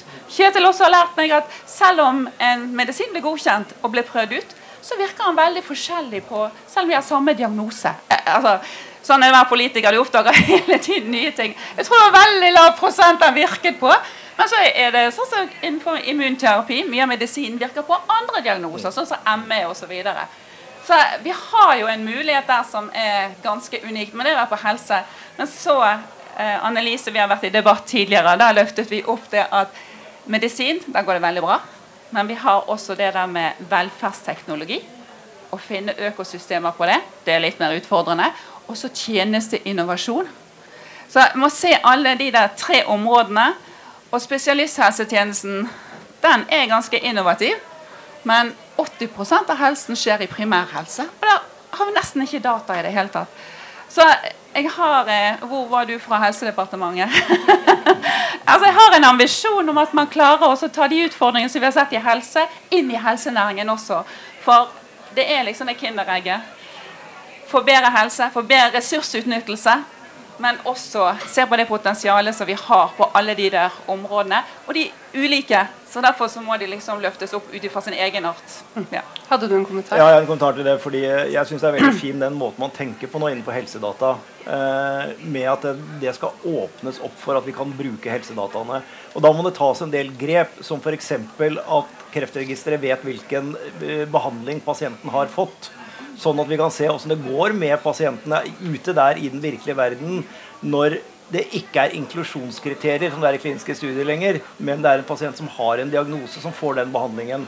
Hvor ofte virker den? Hvordan virker den? Hva var det med den pasienten? Hvordan kan vi koble sammen? Vi bør egentlig koble sammen og dette kan vi snakke med Giske Ushina om Kreftregisteret i morgen, altså koble disse dataene sammen og gjøre dem tilgjengelige. Som dette med personvern og alt det, det er løsbart.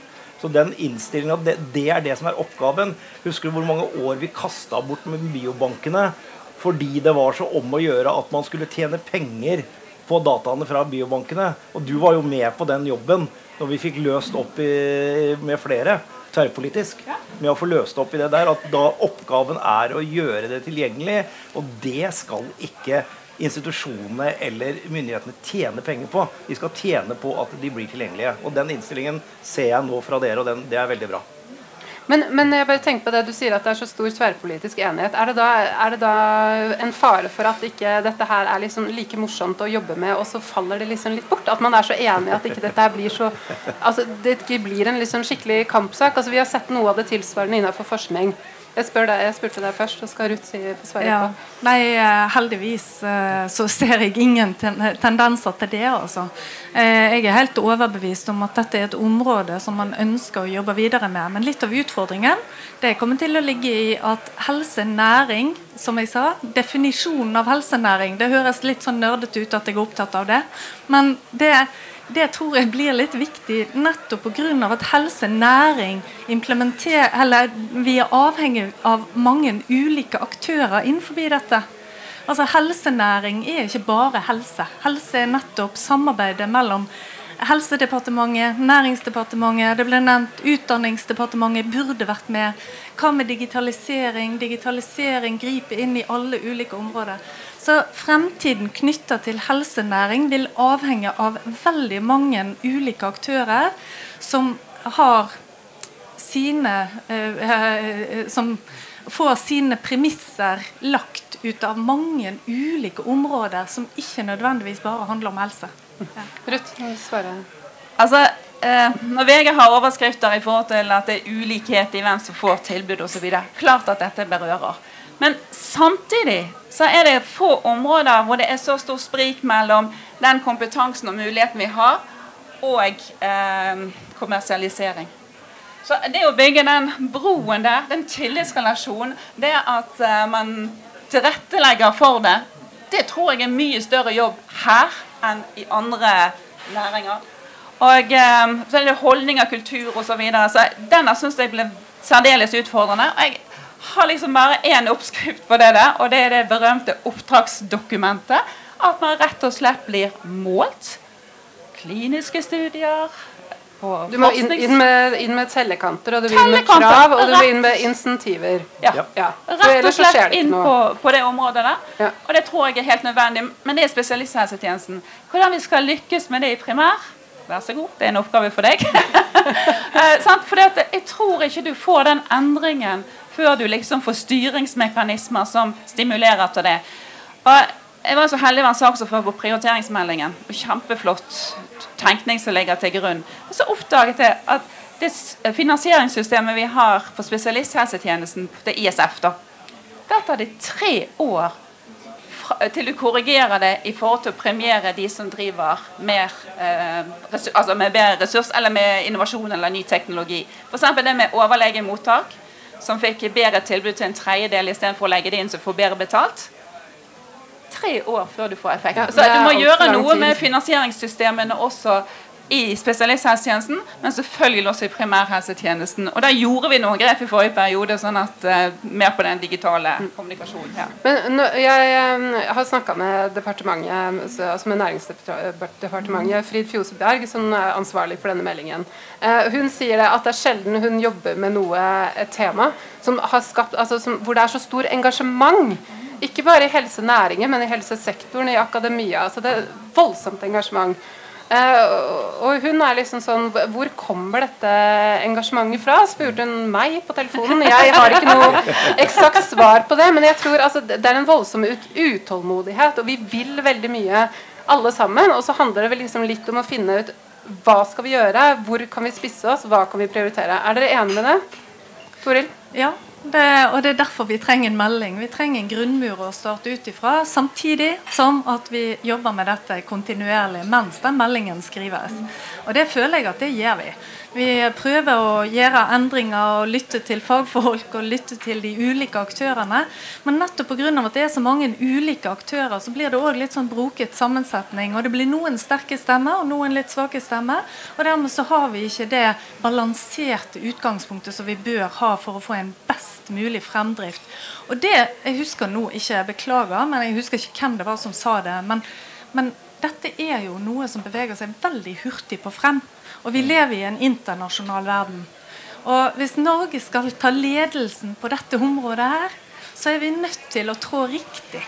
Vi er nødt til å gjøre de riktige grepene på riktig tidspunkt. Og Derfor trenger vi dette som et utgangspunkt, altså mm. den stortingsmeldingen. Og så tror jeg òg at uh, når den kommer til Stortinget, så har jeg en stor ambisjon om at vi sammen skal klare å skape et godt engasjement for som det òg ble nevnt her tidligere, det er òg viktig at politikerne leser denne meldingen. At de får med seg det grunnlaget som skal bidra til vår fremtidsutvikling innenfor dette området på næring. Altså, jeg var så heldig at jeg jobbet på veldig mange områder, men det er jo få områder hvor det er så høykompetent så innenfor, altså innenfor helse generelt. Så, sånn sett så er det ikke så overraskende, for det er så spisset, men det er det jo også internasjonalt. Uh, men i forrige periode, så, spesielt på velferdsteknologi, så var vi opptatt av å tilrettelegge for økt konkurranse og samhandling med de private. Og få denne digitale grunnmuren på plass. Og så var vi enige om å etablere E-helsedirektoratet. De mente de skulle klare det på ett år. Nå må det gå tre år. Eh, de bare eser ut. Altså, det der er den frustrasjonen du har som politiker. Hva er det som skjer? Altså, hvorfor klarer man ikke å lage den? For det er logisk iallfall for oss. Sånn at man har en felles plattform og så konkurrerer ut ifra den. Så det er liksom den utålmodigheten du har som politiker. Så du, du, deler utålmodigheten med næringen? Ah, med deg og meg. altså med alle, altså I og for seg alle brukerne òg. Ja. For det at med en gang du får den på plass, så er det jo lettere å få til ordninger sånn at du kan skifte eh, leverandør, operatør osv. Mm. Altså, sånn, når du har den digitale plattformen og får konkurranse også som er reell. Mm. Så jeg, jeg, tror det det er det som kanskje skal være med for å utløse potensialet i forhold til velferdsteknologi. er at du får denne digitale plattformen. Og så debatten vi hadde tidligere, husk at den må være internasjonal, sånn at de får internasjonal konkurranse også, sånn at vi ikke bare lager sånne særnorske der òg. Ja. Det er jo ikke bare særnorske, det er jo særøstfoldske og særvestfoldske. Og, ja, man gjør jo det. Det er dette vi, dette vi, dette, det er dette vi har holdt på med. Vi har sittet på hver vår tue rundt omkring på nesten hver enkelt sykehus og utviklet ting uten at det er samordna i det hele tatt. Mm. Det er jo utfordringen med å samkjøre ting, enten det er på den digitale siden eller det er på behandlingssiden. Så, så er det altfor mye små tuer og altfor lite nasjonale grep i dette. Bare en liten kommentar. Jeg syns det var veldig fin den du hadde her, eh, Ruth. Eh, hva er definisjonen på helsenæring? Nei, det er det vi venter på. Ja. Det er det, det jeg håper jeg Jeg, jeg, jeg syns kanskje man skulle definert det først, da. Nei, det, det, tenker jeg det er en viktig del ut av ja. meldingen. Det er en vikt, vesentlig del ut av Det blir litt lettere å vite om du jobber innenfor helsenæringen eller ikke. Nei, men ikke det alt som fremmer helse, da. Trenger det være så vanskelig? Altså, ja. Nei, men jeg gleder meg til å se det. For det, det bare forutsetter jeg at det er en del ut av det som kommer i meldingen. Men, men, men hvis, vi, hvis, vi, legger til grunn at vi er enige om hva definisjonen på helsenæring er, i hvert fall akkurat uh, her, her, og nå uh, altså Det vi gjorde på, på 70-tallet med oljen, er helsenæring en næring hvor man må, altså, bør gjøre noe tilsvarende? Nettopp fordi man har den doble gevinsten som man snakker om. For pasienter og for at man kan skape verdier i Norge. Toril? Nei, Jeg tror ikke på at vi kan, eh, kan ta noe copy-paste fra 70-tallet. Og bare sidestille oljenæringen med eh, helsenæringen. Det tror jeg ikke. Jeg tror at mye av de svarene vi vil få i meldingen, vil nettopp vise det at dette har en annen type problemstilling eh, knytta til hvordan vi skal få drift på dette. Men når det kommer til satsingsvilje ja, det er litt mer det jeg er ute etter. Ikke. Altså det at, eh, at, vi som land ønsker eh, å jobbe mot at dette skal vi faktisk bli best på. Vi har de beste forutsetningene for at vi skal klare å lykkes med det.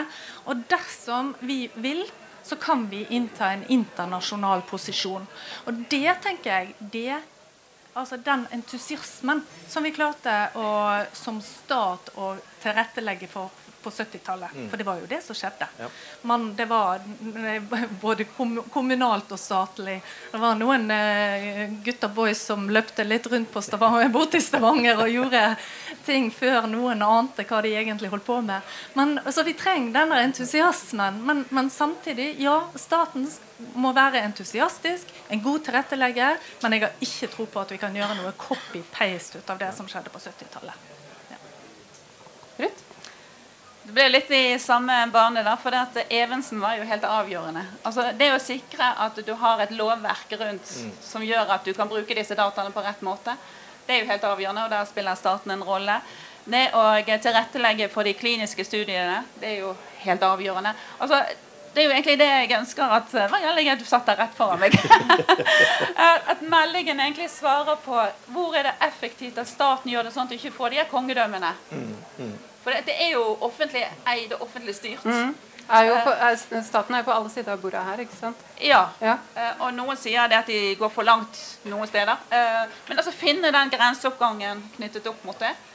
Og, um, og der er jo egentlig det som var suksessen med oljehistorien, var jo det at vi tok grep. Mm. Og så det som jeg sa innledningsvis, sørge for at mest mulig verdiskapning skjer i Norge men det er internasjonalt. Og så finne denne biten der. Og Da må du ha nye forretningsmodeller og nye måter å gjøre det på. Sant? Og det er jo også noe som bør forskes på. Eh, det er flere som har sagt det med åpen forskning. Det fremmet iallfall Arbeiderpartiet. At spesialisthelsetjenesten de kan definere oppgaver, altså utfordringene. Men så må det være fri forskning. Mm. Så det er flere sånne milepæler som vi egentlig kan, eller ja, stolper som vi kan flytte litt på for å få enda bedre effektivitet i systemet. Mm. Du har en kommentar? Ja, jeg, jeg, tråkker skikkelig i salaten, men det jeg jo kjent for å gjøre.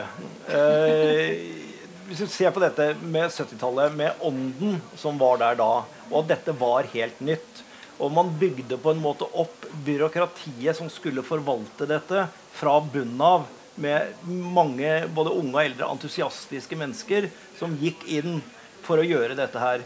Mens det vi nå skal gjøre tenke litt at Det er jo denne voldsomme enigheten. Den er tverrpolitisk. Det er fra alle aktører et ønske om å få dette til. Men alt det vi da ønsker å få til med kliniske studier, med digital plattform, med alle disse tingene her, det skal gjennom et byråkrati som har vært der relativt lenge. Eh, og da er det min kjepphest at da, for å få gjennomslag i disse byråkratiene, så må det komme klokkeklare styringssignaler som et resultat av om ikke de kommer i meldingen, men som et resultat av meldingen, at dette skal dere gjøre. Ikke greie ut, men gjøre. Og det har noe med E-helsedirektoratet bl.a. å gjøre. Så det er å få den holdningen inn og få et gjennombrudd inn i et ganske treigt, gammelt byråkrati, som jeg tror er den største utfordringen. Ja, eh, men, men, jeg tror det òg at eh, det er ganske viktig at vi, at vi ser dette fra to sider. For det at eh, næringslivet, Jeg kommer selv fra næringslivet. Jeg har jobba 25 år i privat næringsliv. Og Det som forundrer meg av og til, det er den manglende forståelsen for det offentliges eh, vesen, for å si det sånn. For hvorfor har vi rigga det offentlige som det er? Og ja, jeg er helt enig, vi kan gjøre mye for å få ting til å gå raskere, bedre flyt. Men samtidig så må vi òg som næringsdrivende så må vi forstå at det offentlige prosessene skal òg innebære noen mekanismer som faktisk bidrar til demokratiet vårt. Og Det må vi klare å ivareta opp i denne prosessen, og det må næringsdrivende ha forståelse for. Så vi må heve kompetansen både hos de næringsdrivende, og så, på den andre siden, i det offentlige, så må det lov, altså vi må åpne for at det er lov å være innovativ. Og så må vi åpne for forståelsen hva innovativ er. Innovativ betyr risiko. Innovativ betyr test. Testing. Og det som jeg ser ofte eh, i det offentlige, som bekymrer meg litt, det er at man tester, ja, men man har ikke evne til å endre kursen raskt nok. For det er det ikke kultur for i det offentlige. For det at, hvis det, at det, det, viser seg at ja, nei, kanskje egentlig jeg var på feil retning, kanskje jeg nå egentlig tok et feil valg, så er det veldig vanskelig for meg i det offentlige systemet som byråkrat å innrømme at vet du, jeg tror faktisk at vi må endre kurs. Mm. Da får jeg oftest mye pepper. Og den kulturendringen er vi nødt til å gjøre noe med i det offentlige. Så litt både òg her. Ja, jeg, jeg, jeg, er helt enig at du må se det fra begge sider. Og det gjelder også nye modeller på prising og alt dette som jeg, som jeg slåss for. At, at, man skal se at det der verden har forandret seg, og at man må jobbe sammen. Og næringslivet også, og alle våre bedrifter, vil gjerne jobbe sammen med det offentlige. I hvert fall hvis de ser at det er en endringsvilje der, sånn at de ser at her kommer vi med noe nytt som er annerledes. Og Forskningsrådet er et veldig godt eksempel på en stor, tung organisasjon som snudde seg raskt når det gikk opp for dem at dette her må vi gjøre litt annerledes. De skal fortsatt være de som passer på penga, og at penga kommer riktig. Det respekterer næringslivet og bedriftene våre, så lenge vi ser da at vi får til denne dialogen. Så hvis det kunne skjedd i flere andre av deler av byråkratiet også, så tror jeg du ville sett at fra næringsliv, i hvert fall fra nytt næringsliv, som vi er, så er det også en vilje her til å se at det er samarbeid og dialog som må til. For Problemet litt der har jo vært på innkjøp. Hvis ikke du passer helt inn i systemene og modellene, så får man jo ikke kjøpt det inn, og så kommer det ikke pasientene til gode. Ja, men jeg vil, men, hvis jeg bare kan få lov til å kommentere det ganske kjapt. For det at jeg tror også at altså vi, Det er jo gjort en del endringer nettopp knytta til innovative eh, innkjøp. Og, og, og det finnes en del muligheter der. Men det er ikke godt nok kjent. Det er ikke høy nok kompetanse på hvilke muligheter som faktisk er der. Og så har vi ikke klart å etablere tryggheten for å ta disse valgene. Rutt? Når det gjelder um, innovative innkjøp, så uh, tror jeg også man skal sette måltall der også. Rett og slett for å få det opp. Uh, for Det handler det også om kompetanse til de som gjør det, å bruke de mulighetene som er innenfor uh, regelverket. Men samtidig så må jeg jo si altså Jeg har jo oppsøkt mye sykehus og sånt opp gjennom tiden, og jeg er i primærhelse òg. det skjer jo enormt med innovasjoner òg, så vi må ikke snakke det ned. Uh, men vi kan utnytte det enda bedre. Men jeg eh, mener Du nevnte noe med hvordan vi skal organisere det i møte mellom næring og helse. Mm. Sponheim, fylkesmann i Hordaland, tidligere. Tidligere Venstre-leder. Ja, han er veldig tydelig. Jeg husker han sa til meg for det noen år siden Det er liksom to sånne greier som du må gå forbi. Og de er like standhaftige begge to. Og det er Finansdepartementet og Energidepartementet. Så de har liksom samlet noe enormt med makt. Og, og det er liksom viderebygging av den Evensen-tenkningen. For nå er det jo mest privat knyttet opp mot petroleum. Men det å, hvordan vi skal få en god organisering sånn som fremmer både helse og næring, det blir også en utfordring. Sånn, de organisatoriske grepene. Bare, du nevnte det, sant? Altså, ja. Og det er litt av suksessen til Energidepartementet. For her gjelder det å få Finansdepartementet på banen og skjønne at her er det god nei, jeg, nå tenker jeg på finans. De er så eh, Ja, de sier stort sett bare nei. men, men, hvis de med sine kalkyler ser at dette her er smart ja, å gjøre Ja, det må komme inn i meldingen. Altså, dette her eh, Det er jeg helt enig i. Altså, koblingen mellom helse og næring du tenker ja, det var på koblingen mellom helse og næring. Ja. Hvordan du organiserer det. Altså Nå bare sier jeg hvem som, hvilket departement som er særdeles sterke. Det var de to. Og finans vet vi hvorfor. Men mm. Energidepartementet, de er så sterkt. Og det er jo en bygget opp gjennom den petroleum, energi og kraft osv. Eh, men jeg vet ikke hvordan vi skal organisere Men det har vært litt av suksessen at de har hatt forskningsmidler, de har hatt uh, hvordan de strukturerer det. Alt innunder ett departement. Så det har jo vært en styrke for den sektoren. Da, hvordan det er bygd opp. Så liksom ta noen grep og skjønne hva som er bra. Og så tror jeg det er viktig at man henter også inn erfaringer fra andre land. Det var jo nevnt her ting som de gjør bedre andre steder rundt i verden. Sant? Altså, vi er jo flinke til å lære. sant? Altså, det er ikke bare kinesere som gjør det. Men kopier det som vi mener er verdt å implementere i Norge også. Så jeg håper at meldingen har litt ideer fra det der òg. Et uh, siste spørsmål. Vi snakket uh, lenge med Øyvind og Andreas om kliniske studier. Uh, hvor viktig er kliniske studier å få det inn, inn i den stortingsmeldinga? Toril? Som ny i helsekomiteen så lytter jeg veldig. Nei, eh, jeg, jeg, Kliniske studier er helt opplagt viktig, og det er jo derfor vi har begynt å jobbe med det allerede. Få på plass bedre register, lettere tilgang, unngå eh, ressurssløsing, som det faktisk er med lange, vanskelige tilgangsmuligheter. Så det er klart viktig. Ruth? Eh, det har vært en gjenganger, og jeg kjente veldig godt igjen det som var sagt, så jeg håper at det ble godt eh, belyst. Eh, samtidig har antall kliniske studier gått ned i Norge. Mm -hmm. Danmark har klart å få dem opp, så vidt jeg vet. Mm. Jeg er litt usikker på hva Sverige har gjort. Men de, landene, altså de nordiske landene ligner på hverandre.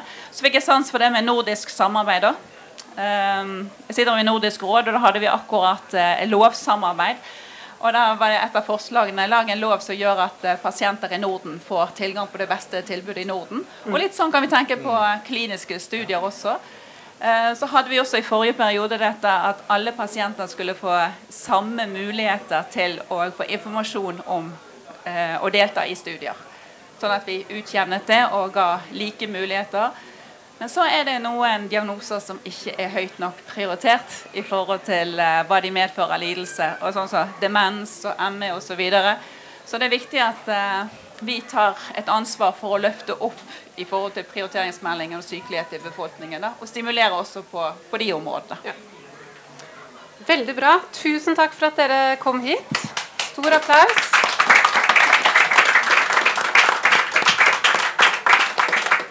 Ja, det, vi må jo avslutte. Ja. Ja.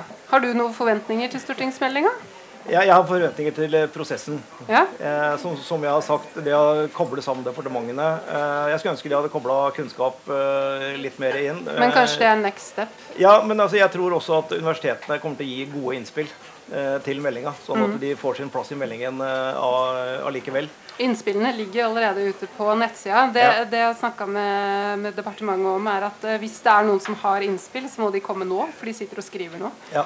Og så skal de jo legge fram meldingen eh, mellom nyttår 2019 og påsken 2019. Jeg, jeg, jeg, tror at den meldingen som, eh, som, eh, de sa her nå i stad, kan danne en, en solid grunnmur. Mm. Og så må vi bygge bygget mm. uh, oppå det, oppå, oppå den grunnmuren. Og med den viljen som er, så Det eneste som mangler, er liksom at, at, at en samlet uh, politikere fra tverrpolitisk slår i bordet og sier at dette skal vi satse på. Mm. Og så må vi finne ut hvordan vi gjør det, og da kan den meldingen være et, et godt grunnlag å bygge på. Mm. Men, men, jeg har jo lest ganske mange av de innspillene, og kommersialisering Vi har ikke snakka så mye om det i dag. Kommersialisering er jo på en måte det det skorter på. Det er jo det du gjør ja. gjennom, gjennom Radforsk. Ja. Har, har, du noe sånn derre tips til hvordan man kan få liksom, overført dette her til andre områder innenfor helsenæring? Hva er, det, hva er det Radforsk gjør som er så riktig innenfor kommersialisering? Det er et portfolio med elleve bedrifter innenfor kreft. Ja, altså det Vi gjør er at vi har bygd på en særdeles god forskning. Vi har bygd på forskning fra et miljø hvor det har vært heia på innovasjon. I hvert fall så lenge jeg har vært der i snart 19 år, og før det, før det også. Hvor med, med, en ledelse som sa at innovasjon og kommersialisering er en del av vår oppgave, selv om det aldri sto i noe oppdragsdokument uh, på den tiden. Det tar litt tid å få inn en Og det var jo en, fordi de så at det var god pasientbehandling. Det var det fordi at de så at det var den beste pasientbehandlingen der. Og det er klart det er den beste pasientbehandlingen å ta i bruk ny teknologi også. Den beste pasientbehandlingen av et eldre menneske, at den får ny teknologi i hjemmet sitt som gjør at den kan være hjemme i flere år siden. Det er samfunnsøkonomisk helt riktig. Det jo, vi ser jo det at her er det så mye enighet rundt, uh, rundt, dette. Og det er klart at vi henger oss opp i kliniske studier. Det, det, må vi gjøre, for det er veldig vanskelig å bygge næringen i Norge hvis vi ikke har det. Mm. Og så er det noen sånne flaskehalser som er relativt lette å løse hvis viljen er, er til stede og, og gjør det. Og oppskriften ligger der egentlig. Så nå gjelder det bare å ta den oppskriftsboka i bruk, og så få Det er litt sånn gamle maksforslag. og sjekk noe før du gjør noe. Og det er litt der Just vi er nå. Just do it. Jeg er mer på Nike, da. Men uh, det er bare meg.